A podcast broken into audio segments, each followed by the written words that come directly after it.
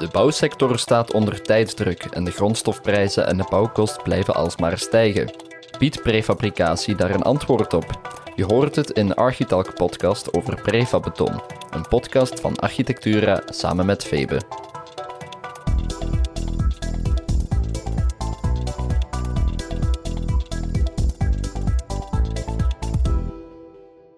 Welkom bij de podcast Architalk van Architectura, waarin we het met Febe hebben over prefabeton.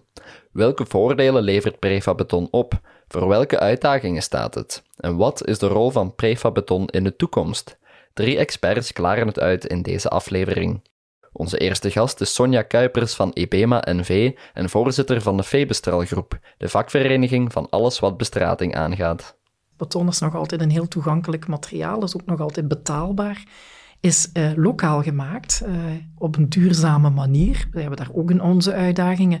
Maar het feit dat we inderdaad lokaal kunnen blijven en ook lokaal grondstoffen kunnen gebruiken, zijn eigenlijk ook wel hele belangrijke punten binnen, dat, binnen die toepassingen.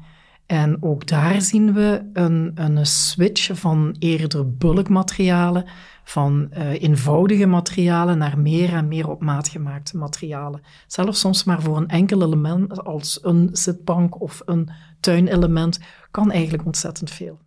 De tweede gast is Vincent Kerkstoel, bestuurder van Groep Kerkstoel. Het familiebedrijf waar ze betonproducten maken en dus ook Prefabeton. Hij is sinds vorig jaar ook voorzitter van FEBE, de Belgische federatie die prefabproducenten groepeert en vertegenwoordigt cementgebonden uh, materialen en beton staan eigenlijk voor 50% van de totale materialen die geproduceerd worden. Als wij op korte termijn aan die bouwnood willen voldoen, kan men helemaal niet om het eh, product beton heen. Dus beton is echt nodig om die stap te zetten naar een duurzamere manier van bouwen en, en, en wonen en leven ook. De derde gast is Dirk Engelen, CEO van Binst Architects, een kantoor dat een breed spectrum aan hedendaagse architectuur ambieert, met een belangrijke rol voor prefabeton. Hij was zelf ook een aantal jaren voorzitter van de jury van de Febe Awards. Ik denk dat uh, prefabeton daar een, uh, een belangrijke rol in kan, kan spelen. Het is inderdaad een, een combinatie tussen, uh, wat betreft verhardingen, dan toch waterdoorlatendheid en, en bijvoorbeeld overrijdbaarheid. Hè, dat zijn twee um, vaak moeilijke criteria die, die uh, niet alle materialen kunnen verzoenen met elkaar. Ja, dat is zoals uh, akoestiek en akoestisch materiaal moet, moet uh, absorberend zijn en in sommige toepassingen ook stootbestendig. Dat is vaak ook een, een heel moeilijk huwelijk. Maar ik denk dat in een openbare ruimte, waar waterhuishouding de dag van vandaag terecht een belangrijke rol speelt, dat die, uh, dat die waterdoorlaatbaarheid, dat die daar een, uh, een uh, dat beton liever daar goed op kan inspelen. Onze gasten zijn gekend, dan rest me enkel nog jullie de host van dienst voor te stellen van deze aflevering. Lisbeth Verhulst, hoofdredactrice van Architectura. Mijn naam is Stef Pennemans, ik stond in voor de productie en voice-over. Dit is een podcast van Architectura die werd mede mogelijk gemaakt dankzij Febe.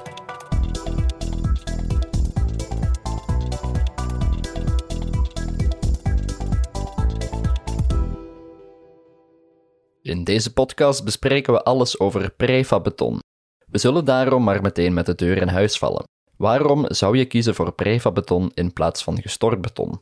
Wel, ik denk dat uh, toch wel heel specifieke voordelen biedt die niet meer weg te denken zijn in de huidige manier van bouwen. En dan denk ik in eerste instantie aan een bepaalde bouwsnelheid die toch gehaald kan worden op de werf door het gaan werken met prefab-producten, waar dan, waardoor aannemers meer gaan monteren en dus eigenlijk een hoger rendement gaan uh, behalen. Ik denk in tweede instantie ook het aspect kwaliteit, dat toch uh, heel belangrijk is en erg naar voren komt bij prefab toepassingen. En dat is eenvoudig verklaarbaar, uh, namelijk die prefab producten, die worden uh, ja, in, fabriek, in fabrieken, in productiehallen geproduceerd.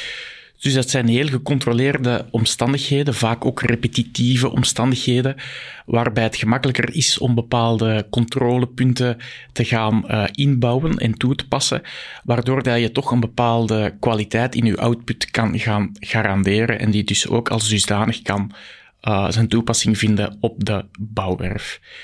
Ik denk ook uh, een belangrijk aspect waarom prefab beton nog altijd aan belang wint, dat is het gegeven dat uh, bouwaannemers toch uh, te maken hebben met bepaalde knelpuntberoepen op de werf. En dan denk ik bijvoorbeeld aan uh, ijzervlechters en bekisters, wat toch heel zware stielen of beroepen zijn. Ja, de vaststelling is dat daar uh, minder uh, medewerkers voor te vinden zijn. En veel prefab-producenten gaan eigenlijk die zware, uh, die zware arbeid machinaal of geautomatiseerd oplossen in de productiehallen. Dus ze gaan ervoor zorgen dat het aspect ijzervlechten en bekisten op de werf, dat dat eigenlijk tot een minimum herleid wordt en dat de aannemer, ondanks die personeelsproblemen, toch nog zijn rendementen kan halen op de werf. En waarom kies jij als ontwerper dan voor uh, prefab-beton? Ik denk dat het, uh, de aandacht voor, voor kwaliteit is uh, de dag van vandaag een heel uh, belangrijk aspect. En vooral als je merkt dat quasi op alle werven de termijnen van uitvoering enorm onder druk staan. samen dan natuurlijk nu met, met de gigantische uitdaging die er toch mee, mee samenhangt van de, de stijgende bouwkosten, de stijgende grondstofprijzen, denk ik dat het eh, prefabriceren, dat daar misschien een, een belangrijk antwoord kan liggen om die uh, risico's uh, onder controle te houden en tegelijkertijd de bouwsnelheid te, potentieel te verhogen en zonder een, een garantie op een, een dalende kwaliteit. Is dat ook iets wat jullie merken, dat het vooral die bouwsnelheid is waar het belang in schuilt? Inderdaad, de bouwsnelheid is een belangrijk aspect binnen alles wat infra bijvoorbeeld aangaat. Um, als we kijken naar uh, pleinen, naar straten, naar uh, bovenbouw, onderbouw trouwens ook, is het natuurlijk belangrijk dat uh, in de productie daar snelheid gemaakt kan worden, maar ook kwalitatief een heel groot um, aandachtspunt kan zijn om eigenlijk goede producten naar buiten laten te komen, goed op de werf te brengen, goede service te geven. Maar ook, uh, en dat vind ik ook een heel groot voordeel in de infra, dat men eigenlijk heel uh, creatief kan bezig zijn met dit soort producten. Er zijn enorm veel mogelijkheden. En dat geeft naar een, uh, een bestrating, een, het aanleggen van pleinen en, en omgevingsaanbod is toch wel heel erg groot. Daarin. En voor welke projecten leent het materiaal zich dan het best in jullie ervaring? Ja, ik denk vanuit onze context, die zich focust op gebouwen dan. Um, ja, stel ik vast dat het toch in een, een heel divers arsenaal aan bouwprojecten zijn toepassing kan vinden. En dan denk ik dat het gaat van echt wel de kleine woning op de hoek uh, van de straat tot echte grotere bouwprojecten, zowel nationaal als internationaal. Um, in al die projecten wordt er op een of andere manier geprefabt. Um, dus ik denk een van de sterke punten van prefab-beton is toch wel de, de flexibiliteit en de veelzijdigheid. Um, eigenlijk staat er ook geen beperking, of nauwelijks een beperking op hetgeen je kan gaan prefappen. Um, hetgeen waar je natuurlijk wel rekening moet houden of meehouden is het aspect transport, hè, omdat het element wel vervoerd moet worden van de fabriek naar de bouwwerf. Dus dat is één gegeven, maar zelfs daar zijn er eigenlijk bijna geen beperkingen. En een tweede aspect is natuurlijk, ja, in welke mate is de aannemer uitgerust, hè, over welk uh, huisvermogen beschikt hij op de werf zelf. Daar dient uiteraard ook rekening mee te houden. Uh, geworden. Maar zoals ik zei, uh, het vindt zijn toepassing in echt een, een heel arsenaal aan projecten, gaande van heel klein tot heel groot. Hebben jullie een voorkeur voor bepaalde projecten wanneer jullie werken met de prefabbeton? Ja, we moeten denk ik dan een onderscheid maken tussen de, de constructieve elementen en de, de architectonische elementen. Ik, ik, wij kijken natuurlijk ook naar de um, samenwerking met, met de uh, stabiliteitsingenieurs voor wat betreft dus de structurele slimste oplossingen. En daar speelt prefab natuurlijk een, een belangrijke rol. Als het prefab kan uitgevoerd worden volgens een grote repetitiviteit, dan weet je dat dat uh, ten gunste zal zijn van een kostprijs en snelheid. Daar wordt altijd in eerste instantie naar gekeken. Als we spreken over meer gewaagde toepassingen of echt een, een, uh, een, een sculpturale, uh, architecturaal antwoord, dan, dan is het ter plaatse storten vaak meer aangewezen. maar, maar meestal komen we toch uit op een soort van hybride oplossing, die dat de totaliteit van de, van de structuur uh, tot stand brengt. Um, maar in het uh, streven naar uh, een kostenefficiëntie is het maximaliseren van standaard afmetingen en prefabricatie altijd een eerste interessant uitgangspunt. Om dan te bekijken wat er ter plaatse nog bijkomend kan uitgevoerd worden. Maar als we spreken over natuurlijk de, de, de schil van het gebouw, hè, uh, de elementen die dat het, gezicht en de architectuur moeten bepalen, um, ja, dan zijn er natuurlijk, uh, dan heeft het beton heel veel interessante mogelijkheden. Hè. En ook de afwerkingsgraad, de manier waarop dat de schil dan echt zijn, zijn patina en zijn, zijn glans krijgt, daar zijn wij ook heel intens mee bezig op kantoor. Eh, polieren, eh, zandstralen, eh, zuren in minder mate, wegens het ecologisch minder, of het nadelig karakter daarvan. Maar het, dat is wat ons in het beton als geveltoepassing het meeste aanspreekt ook. Quasi de, de, de look en feel kunnen geven van bijna een, een natuursteen uitstraling. En ook de rijkdom daarin. Ook de, de onbegrensde mogelijkheden van verfijning en detaillering. Mits natuurlijk uh, dat toevertrouwd wordt aan de juiste partijen die dat ook die, uh, die uitdaging aankunnen. Ja, dus voor jullie laat het wel voldoende ontwerpvrijheid toe? Ja, uiteraard mits uh, het, het, het ja, op, op zoek kunnen gaan naar de juiste partners die dat kunnen, kunnen uitvoeren. Ja. Maar ik denk dat dat een heel belangrijke opmerking is, want een... Um, een, een vooroordeel over prefab beton zou kunnen zijn dat het uh, ja, heel herhaaldelijk is, uh, heel standaard. Maar dat is eigenlijk uh, niet het geval. Dat is vaak het geval, maar dat is niet altijd het geval. Uh, en dan heb ik het inderdaad over architectonische elementen, maar ik heb het ook over structurele, industriële elementen. Ook daar wordt er bij het, het uitwerken of het produceren van het project volledig op maat gewerkt van de plannen die wij voorgeschoteld krijgen. Dus wat dat betreft is die ontwerpvrijheid er ook. En dat is omdat veel prefab-producenten toch wel uh, geïnvesteerd hebben in sterk geautomatiseerde producties die een uh, flexibiliteit op toch een gestandaardiseerde manier mogelijk maken. Uh, dat is een belangrijk voordeel. En ik denk ook, wat u terecht aanhaalt, er zijn echt wel architectonische producenten die heel gepassioneerd en op een ambachtelijke manier met de afwerking van hun product omgaan. En, en ja, dat, op die manier kan je echt unieke gebouwen gaan creëren, ook op een prefab manier. En dat is toch wel een heel belangrijk punt dat ik uh, graag wil aanhalen. Merken jullie dat ook inderdaad in de infrasector?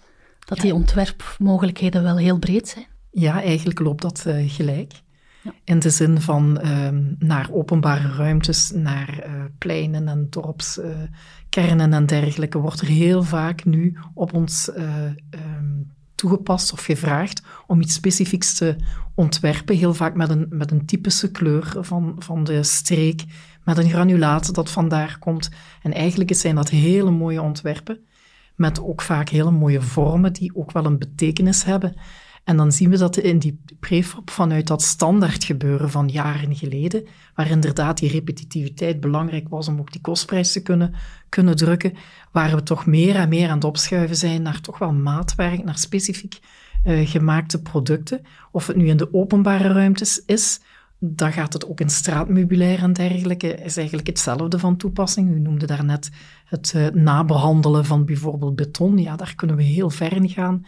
Het, uh, het, afzuren is inderdaad iets wat wij proberen op een andere manier te kunnen doen. Maar het stralen en het, het uh, gebruiken van natuurlijke granulaten en dergelijke is een fantastische manier wat we allemaal kunnen doen met beton.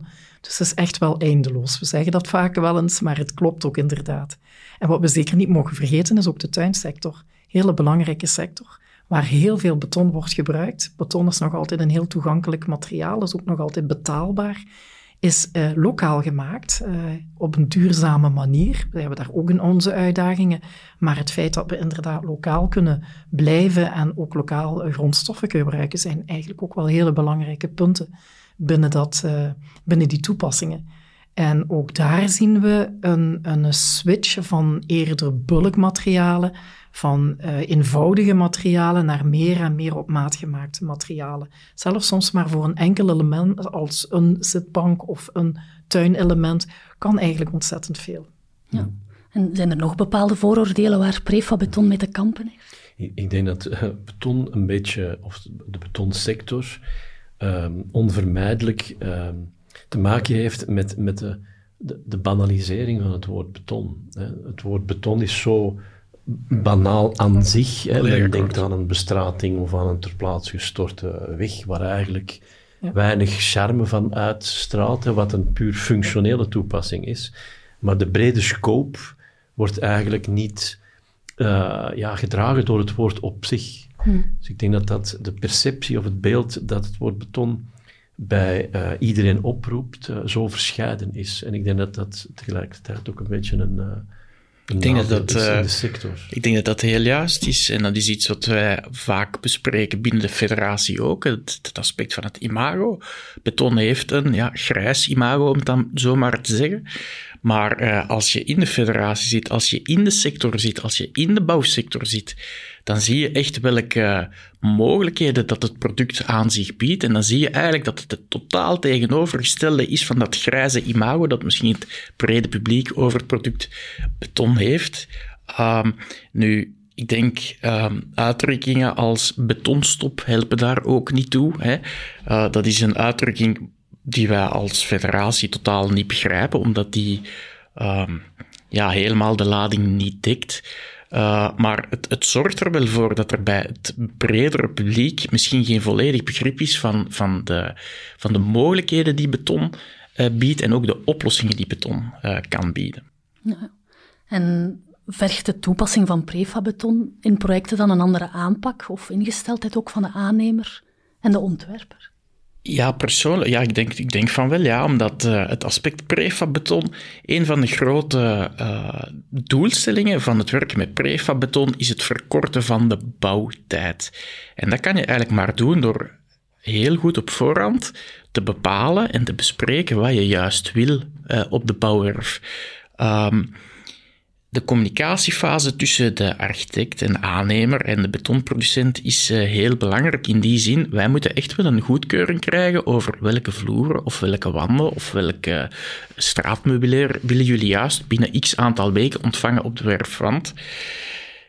De bedoeling is dat dat gewoon gemonteerd wordt en dat je daardoor um, bouwtijd wint. Stel dat je effectief nog prefab beton moet aanpassen op de werf, ja, dan schiet dat eigenlijk die doelstelling totaal voorbij.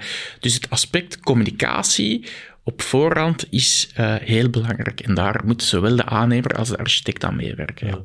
Ik denk ook dat uh, de uitvoeringsmethodes uh, natuurlijk de dag van vandaag heel bepalend zijn voor de haalbaarheid voor een aannemer. En als er van in het begin een methode wordt opgelegd door de ontwerpers, en dan bedoel ik uh, op constructief vlak ook uh, de ingenieurstabiliteit, en blijkt dat de aannemer uiteindelijk kiest voor een andere uitvoeringsmethode met meer of minder prefab, dan heeft dat wel een grote impact op, op de studie die uh, voorafgaand is opgemaakt geweest. Dus in, in die context eh, worden vaak wel meerwaardes gezocht in een, in een bouwteamwerking, hè, waar dat de, de uitvoerende partij heel vroeg betrokken wordt, zodanig dat de uitvoeringsmethode van in het begin een beetje gestuurd wordt door de voorkeurpartij die het, het werk later mag uitvoeren. En dat leidt wel tot een, een grotere efficiëntie. Ik denk ook dat in de volledige uh, BIM-context, dat er ook gestreefd wordt naar het maximaal maken van, van keuzes op uitvoeringsvlak van in te beginnen, zodat dat eigenlijk het, het studiewerk nog meer naar voren getrokken wordt en de uitvoering uiteindelijk nog vlotter zou moeten verlopen. En ik denk dat prefab bouwmethodes daar wel zeer goed in passen, omdat de uitvoerders daar ook een stukje van het einddesign, van de eigenlijke componenten heel vroegtijdig op zich kunnen nemen, zodanig dat dat perfect ingepast kan worden in dat uh, virtuele BIM-model. De term BIM is gevallen. We kunnen er niet omheen dat BIM en digitalisatie een noodzaak is binnen prefab. Maar hebben zij echt zo'n belangrijke rol? De, het reduceren van de faalkost is denk ik in het, het, het, beheersen van het risico van de, van de aannemers nu. ik denk dat dat een heel belangrijk gegeven is. Risicominimalisering vandaag. We weten dat die, de bouwprijzen, grondstoffen, dat, dat gaat vreemde kanten uit de dag van vandaag. Ehm, voor een aannemer die een prijs moet berekenen uh, zonder variabelen, of met zo weinig mogelijk variabelen, dat is het, uiteindelijk hetgeen dat de, de opdrachtgever wenst. Hè. Die wil een, een strak afgebakend budget dat niet na bestelling nog alle kanten uitgaat. Is het beheersen van die risico's en het minimaliseren daarvan is een heel belangrijk uitgangspunt. En we weten dat tijdens uitvoering in normale context een beperkt percentage te wijten is aan faling. Dat is zijn foute bestellingen, misverstanden op de werf. En daar kan de BIM-context een zeer belangrijke optimalisatie uh, aanreiken. En ik denk dat prefabricatie, niet alleen van beton, maar in, in de brede context, daar een hele belangrijke rol in kan spelen. Ja. Is dat in jullie sector ook het geval, dat digitalisatie en BIM een belangrijke rol daarin spelen? BIM is op dit moment nog in zijn kinderschoenen. Maar uh, wij staan er absoluut achter om daar uh, snellere stappen te gaan uh, nemen, net omdat u daarnet ook al zei. Heel belangrijk, dat determineren op voorhand van dit gaan we doen op deze manier, staat allemaal opgenomen in lastenboeken, in uitvoeringsplannen. En daar zien we in, uh, in de sector waar wij actief in zijn, zien we nog wel eens een keertje dat er wordt uh, veranderd ter plaatse en dat er toch wel wat aangepast wordt met alle gevolgen eigenlijk van dien. Met heel vaak de vraag of dit vanuit een uh, idee van het gaat goedkoper worden, misschien uiteindelijk niet veel duurder gaat worden. In alle geval is de kwaliteit niet altijd wat het zijn moet. Dus ik denk dat daar echt wel een uitdaging zit voor onze sector. Digitalisatie zien wij ook voor een stuk binnen het bedrijf zelf op productiemethodes, waar echt nog een uitdaging ook is. Uh, zijn nu bezig bijvoorbeeld met visualisatie, zodat wij echt heel makkelijk kunnen detecteren als er bepaalde producten zouden um, niet oké zijn, om die eigenlijk snel uit, uit de productie te halen, waar dat nu nog heel veel handmatig gebeurt. En eigenlijk ook wel afhangt van de persoon die dan ter plaatse de, de controlecheck doet.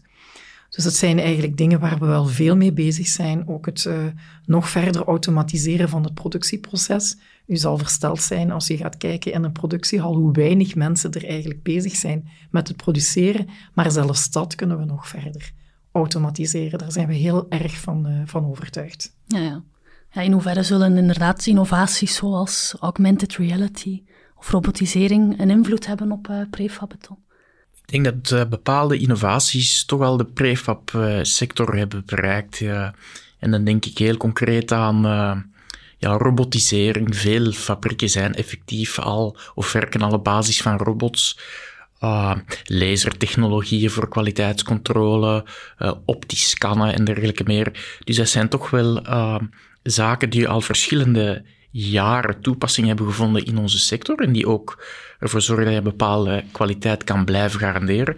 Nu, er, er dienen zich ook nieuwe mogelijkheden aan, die wij ook uh, heel kort blijven opvolgen. En dan denk ik bijvoorbeeld inderdaad aan uh, augmented reality. ik denk dat uh, dat een principe is waar de prefab-sector ook nog een, een, uh, een stap vooruit kan inzetten.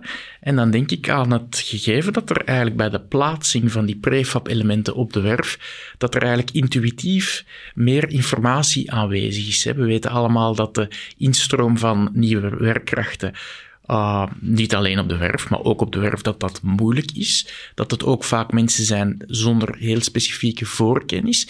En dat je als prefab-producent toch wel um, rol kan spelen om ook die mensen in staat te stellen om je prefab-producten op een veilige en kwalitatieve manier te monteren. Wel, die augmented reality is volgens mij een perfecte manier om, zoals ik zeg, bepaalde lagen aan informatie toe te voegen bovenop uh, de werkelijkheid, zoals ze staan op de werf, en te, en, en te gaan focussen op specifieke montagevoorschriften of op bepaalde bouwknopen en dergelijke meer. Opnieuw om de bedoeling van de, de faalkost tot een absoluut minimum te herleiden. Rekening houdend met die moeilijkere instroom aan werkkrachten. Ik denk ook in de, de dialoog met de opdrachtgevers is uh, virtual reality een, belangrijke troef om de keuzes die gemaakt uh, moeten worden steviger te onderbouwen. En, en BIM sluit daar natuurlijk perfect op aan, zodanig dat die virtueel, het virtuele model, ook wat betreft look en feel, uh, voldoende kan uitgewerkt worden, zodat dat presentabel wordt en, en eigenlijk qua verbeelding voldoende gedetailleerd kan worden om, om de bouwheer een, een resultaat te tonen in een vroege fase dat zo nauw mogelijk aansluit bij het uiteindelijke beeld. En ik, ik, uh, ik, ik, denk, of, of wij hopen, dat um, de evolutie van BIM ook zal leiden tot een nieuwe manier van, van samenwerken met opdrachtgevers, studiebureaus en uitvoerders, waarbij dat bijvoorbeeld een, een virtuele oplevering van het model een belangrijke mijlpaal kan zijn in het volledige ontwerp en uiteindelijk productie- en bouwproces. dat zou ook in een, in een efficiëntie en een professionalisering van de uitvoeringsfase een, een belangrijke milestone kunnen zijn. Hè, dat je echt rond de tafel zit en dat model uh, effectief oplevert. Hè, waarin dat alle componenten zichtbaar zijn, gaande van technische installaties, afwerking, kleuren, in de mate dat dat natuurlijk op een computerscherm uh, werkelijk uh, evalueerbaar is. Uh, maar dan op dat moment hè, zijn er natuurlijk, is er een heel deel van het studiewerk dat thuis hoort in een, vandaag in een uitvoeringsfase, wordt dan naar voren getrokken om net bij het startschot van de uitvoering alles als een sneltrein te laten vooruitgaan. En staat de prefab-sector in jullie ervaring als ontwerper daar al ver genoeg in dan in die digitalisatie? Wel, ik ga ervan uit dat de prefab um, wereld heeft natuurlijk ook uh, in hun eigen productiemethode de, de, de noodzaak om alles zeer accuraat uit te tekenen. En, en, en, en in 3D ongetwijfeld ook, om die processen aan te sturen. Dus ik denk dat de brug maken naar een, een virtuele omgeving en een, en een BIM-werkomgeving, dat die, dat die er al ligt, in feite. Dat klopt. En dan, ja, een andere innovatie is natuurlijk 3D-printen met beton. Zal dat de toekomst van uh, prefab-beton beïnvloeden? Gaat dat meer ja, op de werf geprint worden in de toekomst in plaats van in fabriekshal geproduceerd? Persoonlijk vind ik het uh, een hele knappe evolutie. En je ziet die de voorbije jaren ook wel uh, um, stappen vooruit zetten. Dus ik denk dat dat een productiemethode is die haar um, toepassing in het grotere geheel kan vinden. Ik denk niet dat uh, 3D-printen uh, de prefab-sector volledig gaat vervangen omdat je toch ook wel ziet dat uh, ze bepaalde uitdagingen zitten waar ze volgens mij het antwoord niet volledig op kunnen bieden. En dan denk ik in eerste instantie toch wel aan de grootschaligheid van wat moet er allemaal gebouwd worden. Er moet heel veel gebouwd worden, moet heel veel prefab geproduceerd worden. Ik denk uh, het aspect 3D-printen. In deze fase zijn ze niet klaar om die grootschaligheid aan te kunnen. Dat is volgens mij een eerste vaststelling. Tweede gegeven is ook wel um, ja, het 3D-printen, in zoverre dat dat gebeurt op de werf zelf, um, is toch ook onderhevig aan bepaalde weersfactoren, omgevingsfactoren, kwaliteitsfactoren, die wij als prefab-producenten in onze productiehallen veel uh, beter onder controle hebben. Dus daar denk ik dat het ook een, uh, ja, toch wel een uitdaging is om volledige gebouwen in 3D te gaan printen. Er is ook het aspect dat bepaalde elementen moeilijk in 3D printbaar zijn. Ik denk bijvoorbeeld aan heel grote elementen voor, ja, voor, voor bruggen of voor uh, grote overspanningen. Ik denk dat dat toch moeilijk is om dat te gaan vertalen naar 3D-printen. Plus je hebt ook een logistiek aspect. Hè. Ga je die elementen uh, ja, printen in productieal of ga je die elementen of ga je een volledige, volledig project ter plaatse printen? Ja, ook daar zit je met bepaalde logistieke uitdagingen naar uh, de printer zelf bijvoorbeeld, waar volgens mij op dit ogenblik ook geen pasklaar antwoord op is. Dus mijn mening op dit ogenblik is dat 3D-printen de volledige prefab-productie niet gaat vervangen. Wat ik wel denk, is dat ze een bepaalde plaats kunnen innemen in dat grotere geheel, voor heel specifieke elementen te printen bijvoorbeeld. Of waar wij specifiek aan denken, is om moeilijkere bekistingen te gaan printen, hè, die wij op onze beurt gaan gebruiken in de productie, in onze productiehallen. Dus die mogelijkheid zie ik wel. Ligt het inderdaad moeilijker voor uh, infrastructuurprojecten, denkt u, het uh, 3D-printen? Ja, het klopt inderdaad. Uh, het is ongeveer hetzelfde. Ja, wij kunnen natuurlijk binnen de productiehallen aan een hoog tempo snel producten maken die dan ook vervoerd worden naar de werf en daar onmiddellijk kunnen toegepast worden. En daar kan wel een vertraging op gaan zitten en een onzekerheid op gaan zitten met alle elementen die net aangehaald zijn. Hè. Weer uh, toestand van de werf, noem maar op. Het, uh, de 3D-printer zelf, wat ook wel een uitdaging is. Dus daar zal inderdaad wel een, een bepaalde toepassing over zijn. Op dit moment zien wij het nog niet toegepast worden. Duurzaamheid en circulariteit. Het zijn termen waar je niet omheen kan. Welke voor- en nadelen heeft prefabeton op dat vlak? Ja, ik denk dat dat uh, de duurzaamheidsvraag die is zeer sterk aanwezig en die voelen wij ook uh, dagdagelijks. Nu, um, ik denk dat uh, beton en, en, en zeker prefabeton wel degelijk uh, bepaalde troeven heeft in, in het kader van het duurzaamheidsverhaal. In eerste instantie denk ik aan het gegeven, hetgeen dat Sonja daarnet ook aanhaalde. Ja, beton wordt geproduceerd met lokale grond, grondstoffen, hè, wat dus toch maakt dat je bepaalde internationale milieubelastende transporten, dat je die toch uh, uitsluit, wat dat toch een uh, eerste voordeel is, denk ik. Um, tweede gegeven is, ja, beton blijft uh, recycleerbaar. Dus op het einde van het, de levensduur uh, kan het volledig gerecycleerd worden en kunnen die recyclagematerialen ook hun toepassing vinden in nieuwe, in nieuwe, nieuwe producten of nieuwe toepassingen. Nu, um, ik denk verdergaand dan dat, moet je toch vaststellen, of stel je toch vast dat beton een bouwmateriaal is met een zeer lange levensduur. Um, we, zien nu meer en meer bij het ontwerp van gebouwen dat er al rekening wordt gehouden met een mogelijk tweede of zelfs derde invulling van een specifiek gebouw. Dus dat een betonnen skelet op die manier wordt uitgedacht dat, ik zeg maar iets, uh, een, een, kantoorgebouw gemakkelijk kan veranderen naar appartementsgebouw of naar schoolgebouw of, of, weet ik veel. Dus dat je een, een, een betonnen skelet een nieuwe uh, invulling gaat geven. Nu, mij lijkt dat de meest duurzame invulling die je kan geven aan een gebouw. En beton leent zich daartoe dankzij ja, de grote overspanningen die het mogelijk maakt, dankzij toch wel de lange levensduur en dergelijke meer. Nu, um, u haalde ook al kort aan circulariteit. Specifieke prefab-producten hebben effectief een voordeel in het kader van circulariteit en kunnen bij het einde van uh, de levensduur van een gebouw in hun volledigheid gerecupereerd worden. En dan denk ik bijvoorbeeld aan uh, betonnen uh, klinkers of massieve vloeren of massieve wanden. Uh, de mogelijkheid bestaat om die producten opnieuw te gaan gebruiken in een ander, uh, in een ander bouwproject. Dus naar circulariteit is er zeer zeker een voordeel.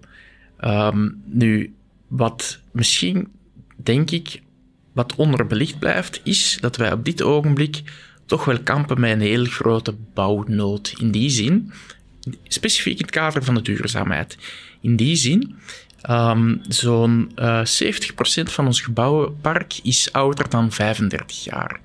Confederatie Bouw heeft berekend dat dit staat voor toch 40% van de totale CO2-uitstoot. Dus we zitten met een relatief verouderd gebouwenpark, dat op zijn beurt staat voor een, CO, grote CO2-uitstoot, en die moeten we um, beperken of minimaliseren. Je ziet ook dat veel mensen nu worden geconfronteerd met het gegeven dat zij op zoek zijn naar energiezuinige manieren van wonen en leven. Dus er moet wel degelijk gebouwd worden. Nu, het punt dat ik wil maken is. Geen enkel bouwmateriaal is in die grootschaligheid aanwezig dan uh, cementgebonden materialen en beton zelf. Cementgebonden uh, materialen en beton staan eigenlijk voor 50% van de totale materialen die geproduceerd worden. Als wij op korte termijn aan die bouwnood willen voldoen, kan men helemaal niet om het product beton heen. Dus beton is echt nodig om die stap te zetten naar een duurzamere manier van bouwen en, en, en wonen en leven ook. Merken jullie dat ook, dat uh, het wel mogelijkheden biedt naar circulariteit toe, prefabeton? Ik denk dat een, een, belangrijke uitdaging voor de betonsector ook zit in het uh, aspect van de losmaakbaarheid. Wij zitten, als we de vergelijking moeten aangaan, wikken en wegen van bouwsystemen ten opzichte van elkaar, dan, dan weten we dat ja, beton in, in traditie, bouw, uitvoeringsmethode wordt uh, aangestort. Elementen worden verankerd en aangegoten of aangestort met elkaar. Dus op zich is die klassieke bouwmethode uh, moeilijker demonteerbaar aan zich. En, en voor structurele elementen is dat misschien niet primair in het, de circulariteitsgedachte. Het, het, skelet hoort de langste levensduur te hebben. De schil en de afwerking en de technieken worden sneller vervangen dan het uiteindelijke skelet. En het is inderdaad zo dat de aandacht zou moeten groeien om skeletten, uh, structuren van gebouwen meer future-proof te maken, meer geschikt te maken voor toekomstige herdefiniëring, herbestemmingen van, van gebouwen, dat een kantoorgebouw een residentiële invulling krijgt, of wie weet zelfs omgekeerd. Maar flexibiliteit kost geld. Een overdimensionering van, van structuren naar draagkracht om later op te toppen, een gebouw bij wijze van spreken. Dat vraagt allemaal voor investeringen. Het, het voorzien van bijkomende schachten of het overdimensioneren van kolonsecties in zijn totaliteit. Of, of misschien investeren in slimme methodes die dat het uh, gebouw makkelijker afbreekbaar maken, demonteerbaar maken modulairder maken. Dat zijn allemaal natuurlijk inspanningen uh, waar niet altijd uh, de visie voor is uh, of het budget beschikbaar voor is. Dus dat is natuurlijk een uitdaging die dat ehm, er wel ligt om in te vullen, maar wat natuurlijk niet zo vanzelfsprekend is in, in de, de projecten die dat zich dagelijks in, aandienen. Ik denk ook dat er een belangrijke uitdaging te vinden is in de het materiaalgebruik van het beton aan zich, het uh, herbruiken van gerecycleerde materialen. En granulaten op zich is denk ik een hele mooie en voor de hand liggende uh, tendens. Uh, ik denk ook dat uh, als we spreken over ehm, een context waar, eh, ik zeg maar wat bestaande gebouwen gesloopt worden op een site en waar onmiddellijk bekeken wordt of dat die afbraakmaterialen al niet ter plaatse kunnen herbruikt worden in een uh, nieuwe toepassing. Dat is zeker ook een, uh, een idee waar, waar het, het brede, uh, de brede toepassingsveld van beton een, een rol in kan spelen. Ehm, maar ook naar de, de fijnere eindmaterialen die een, een rol spelen in de schil van het gebouw. Denk ik dat er verder moet nagedacht worden over slimmer en duurzamer Ehm, ehm, nadenken over de componenten aan zich van het, uh, van het beton. En we weten natuurlijk dat uh, cement daar wel ergens een, de dag van vandaag een uh, grote ecologische en een grote CO2-voetdruk nalaat.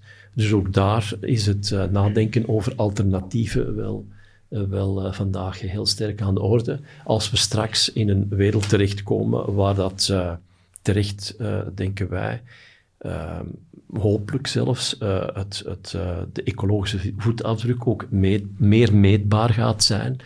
En we niet alleen spreken over een E-pijl, maar misschien straks ook over een duurzaamheidspijl. Dat vergelijkbaar is over verschillende projecten en misschien opgelicht gaat worden door de overheid. en pas dan denk ik dat er de initiatieven een, een gezonde duur gaan krijgen. Als het van overheidshand wordt gemonitord, gemeten en, en opgelegd. Ja, ik deel die mening volledig, maar ik denk, ik denk ook de, de, de discussie over de CO2-uitstoot, en dan specifiek gerelateerd aan cement, is natuurlijk een discussie die wij binnen de federatie ook uh, ja, ons bewust van zijn, ook uh, kort opvolgen.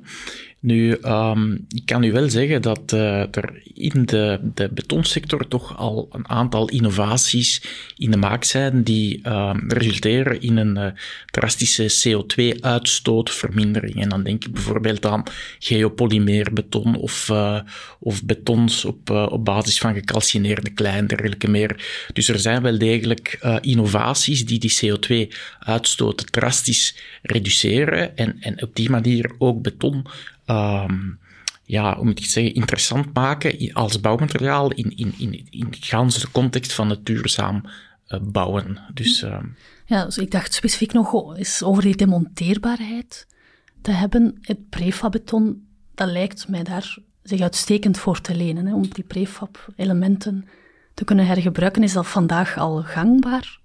Ja, het, ja, het gebeurt. Maar ik moet zeggen, het, eh, het, is, uh, het staat naar mijn inzicht op dit ogenblik op een relatief laag pitje, omdat ook niet elk element leent zich daar even goed toe. Hè. Bepaalde elementen worden inderdaad opgegoten of, of, of sterk verankerd. En dan wordt het moeilijker om die, die elementen te recupereren, hoewel dat daar ook een aantal innovaties op de markt gaan komen op dat vlak. Andere elementen lenen zich daar wel toe. Um, Denk maar iets aan, aan massieve wanden of welfsels bijvoorbeeld. Dat bestaat nu al op de markt, dat die recupereerbaar zijn.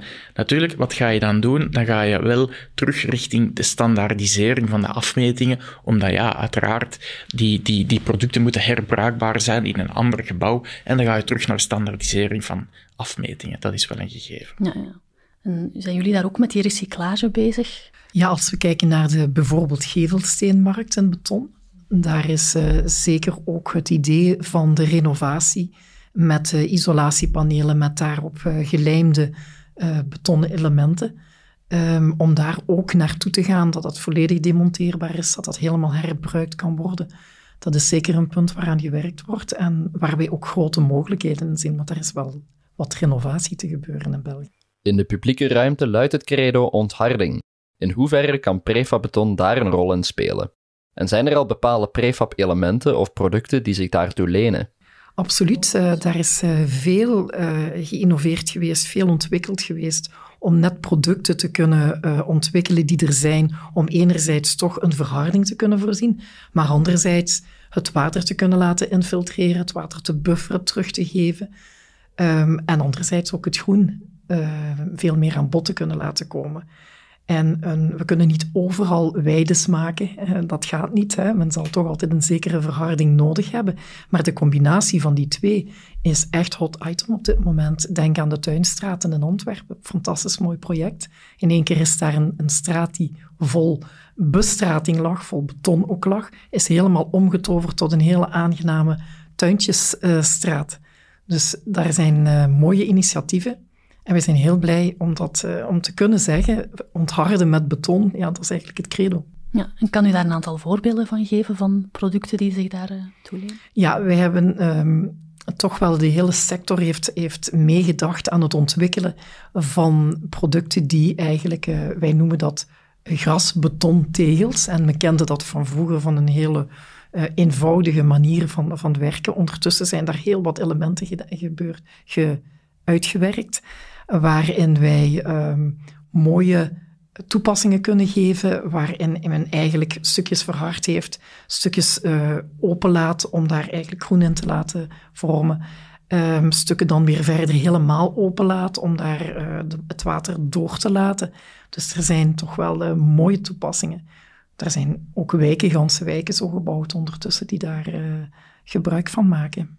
Waaronder Tivoli, bijvoorbeeld een Laken, een hele mooie duurzame wijk waar dit soort toepassingen echt uh, tot een succes is gekomen. Ja, ja, we zien dat ook. Ik denk, in het verlengde daarvan merk je toch wel nieuwe accenten en, en, en veel is terug te brengen op toch de, de, de bouwshift die men tracht te, te verwezenlijken. Um, ik denk, kort samengevat, komt dat neer op een ja, minder inname van de publieke ruimte en dus eigenlijk terug centraler gaan wonen.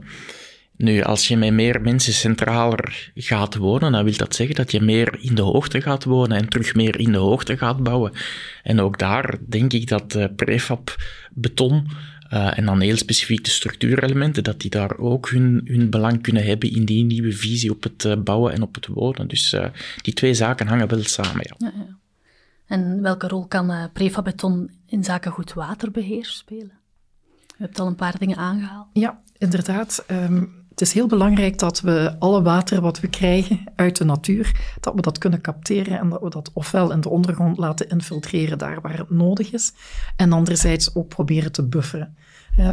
ik denk al 20, 25 jaar geleden waren er al heel wat initiatieven om waterdoorlatende bestrating uh, te ontwikkelen, zodat het water ook ter plaatse kon infiltreren. Ondertussen werken we met uh, boombunkers, waardoor bijvoorbeeld bomen echt wel de kans krijgen om niet die zielige boompjes die we soms wel eens zien, ergens uh, te kunnen laten ontwikkelen tot echt mooie grote bomen, waar we dan weer naar de hittebestendigheid ook weer een stuk kunnen invullen.